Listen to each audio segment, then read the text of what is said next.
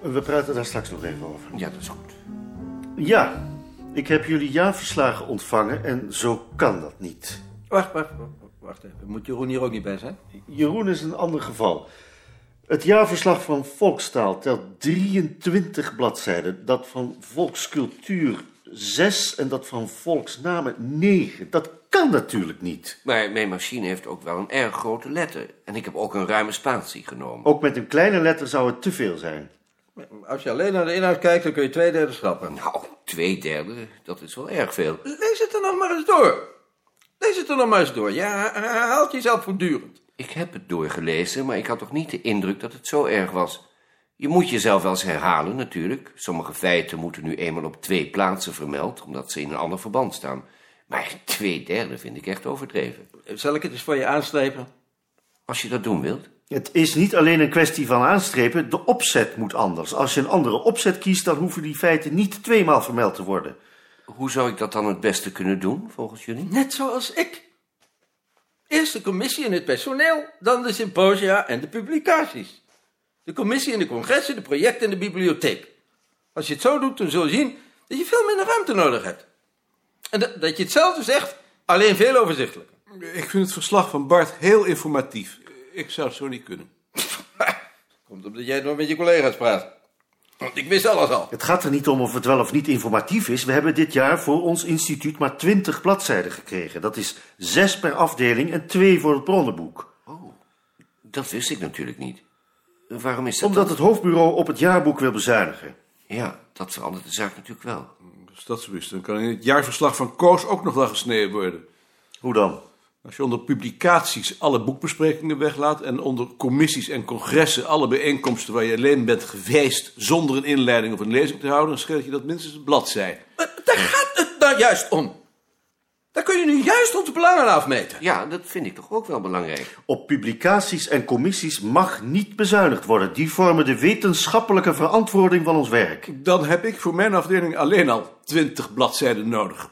Hoe bedoel je? We hebben het afgelopen jaar voor het bulletin ongeveer 350 aankondigingen en besprekingen gemaakt. Twee regels per bespreking. 50 regels per bladzij. Dat is 14 bladzijden plus de 6 die ik al heb. Dan reken ik de commissievergaderingen nog niet eens mee. Ja, zeg. Die kleine rotzakje van jullie zeker. Wat je dat ook al recensies noemt. Ze zijn gemiddeld niet korter dan die van jullie, eerder langer. In ieder geval krijg je er geen ruimte voor. Dan moet je ze in jouw verslag maar weglaten. Maar dat zou de verhoudingen toch volkomen scheef trekken?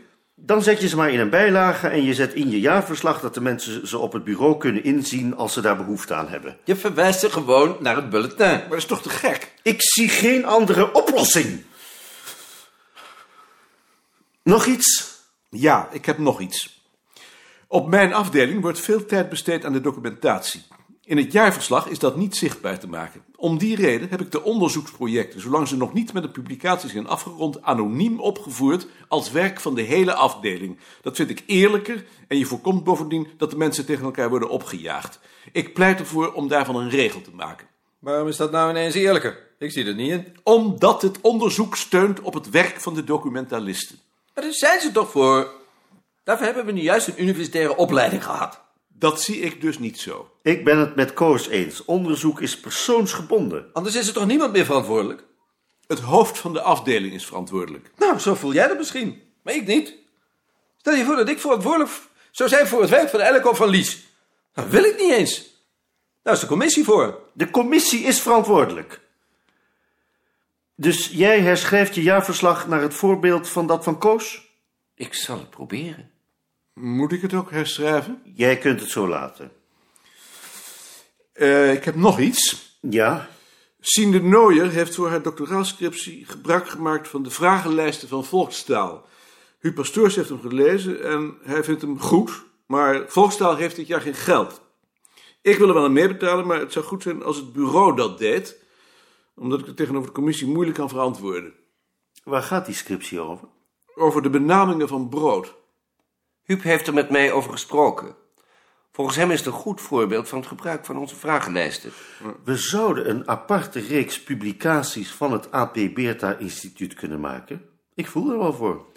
Laat mij die scriptie eerst maar eens lezen. Maar betekent dat wij er ook aan mee betalen? Het zou betekenen dat wij uit de pot publicaties een vast bedrag reserveren voor uitgaven van een meer algemeen belang. Daar wil ik dan toch ook wel zeggenschap in hebben. Ik kan mij voorstellen dat wij vieren daarvan de redactie vormen. De eerstvolgende publicatie zou dan jouw proefschrift kunnen zijn. Ik breng je de scriptie. Sien, Ja? we hebben het op de hoofdvergadering gehad over jouw scriptie. Ja? Balk denkt erover om hem als eerste deel in een nieuwe reeks van het AP Beerta Instituut uit te geven. Maar we hem eerst lezen. Nee. Oh, wat geweldig. Ah, je moet hem eerst nog lezen. Maar ik vind het toch al geweldig. Wat aardig van je om daar zoveel moeite voor te doen. Het is een idee van Balk. Ja, maar toch. Breng jij hem de scriptie? Ja, natuurlijk. Eh, Is hij nu op zijn kamer? Hij is nu op zijn kamer. Wat was dat? Of mag ik dat niet weten?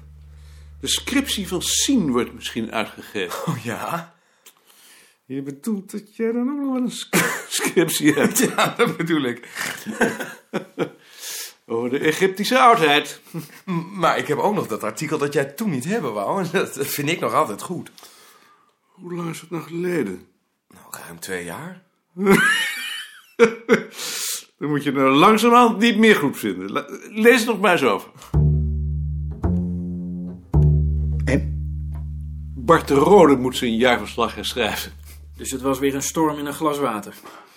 Het was een storm in een glas water. Ik neem aan dat jullie niet in, in angst gezeten hebt. Je denkt toch hoop ik niet dat ik leedvermaak heb? Ik denk dat jullie in deze gevallen op weg zijn naar leedvermaak. Maak me daar geen illusies over. Daar vergis je je dan toch echt in? Ik heb dat echt niet.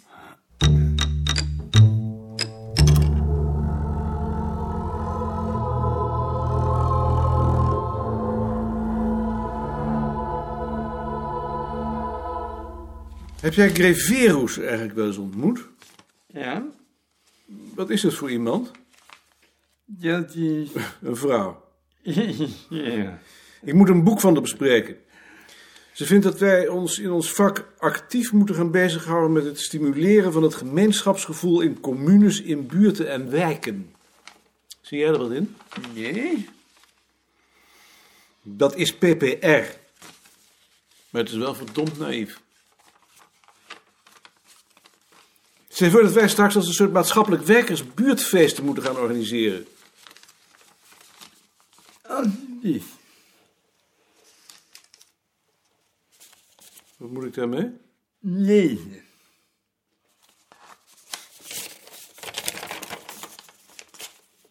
Lieve Anton. Van Frits Badjes. Ken jij die ook al? Ja.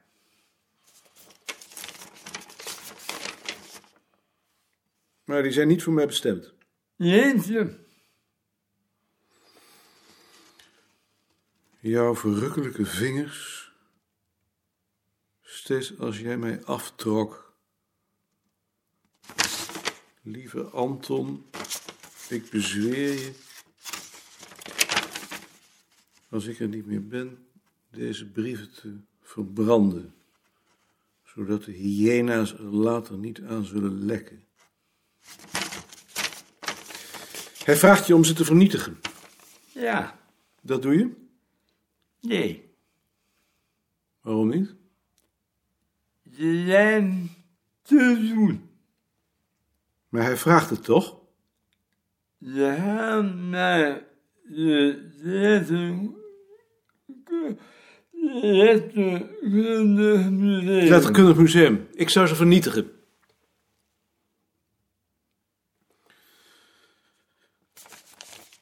Denk er nog maar eens over.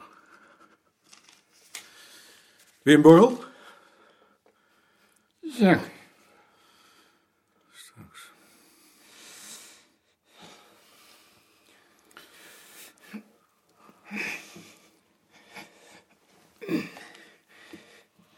Ja, ja.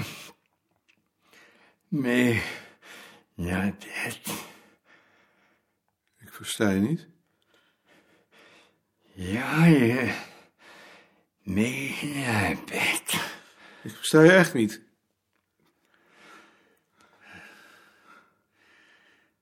Nou een oude idioot. Schrijf dat eens op.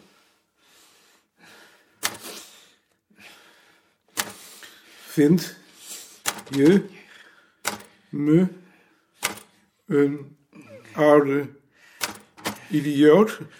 Ach, Word oud. maar wacht nog maar even met doodgaan, want ik ben op het ogenblik niet in de stemming om je necrologie te schrijven.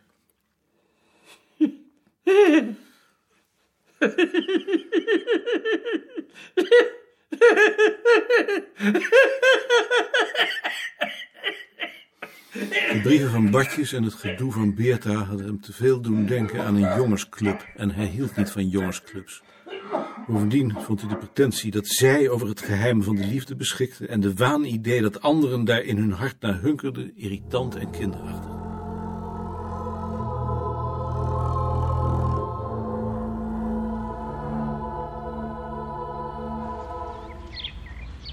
Heb jij zin om bij mij thuis nog even een borrel te drinken? Kunnen we nog wat kletsen? Dan zet ik je in Ede op de trein. Goed.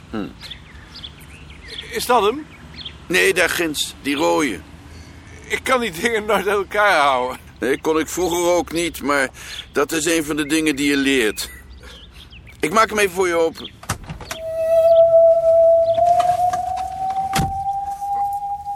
Mooie handschoenen heb je. Oh man, die zijn heerlijk. Je krijgt niet van die kleffe handen en ze zijn toch luchtig. Krijg jij ook zo het land aan deze vergaderingen? Ik krijg er koppijn van. Nou, dat gelukkig niet, maar leuk vind ik het ook niet. En als je nou het gevoel had dat het enige zin had... maar het lijkt erop alsof het alleen maar minder wordt. Het enige wat ze nog interesseert is het aantal bezoekers dat ze binnenhalen. Ja, ik vond het wel mooi dat je dat zei. Dat was verrekte goed. Ik zag te groot kijken of die het in Keulen hoorde donderen. Ze begrijpen niet dat de enige garantie voor het voortbestaan van een museum is dat ze kwaliteit leveren, ook als dat bezoekers kost. Dat korte termijn denken, dat is nog het ergst. En het valt me van Vester Jeuring tegen dat hij daaraan meedoet. Toen hij BH opvolgde, dacht ik dat we eindelijk een goede vent kregen. En niet zo'n ego-tripper als BH. Nee, dat heb ik niet gedacht. Ja, dat zei je toen.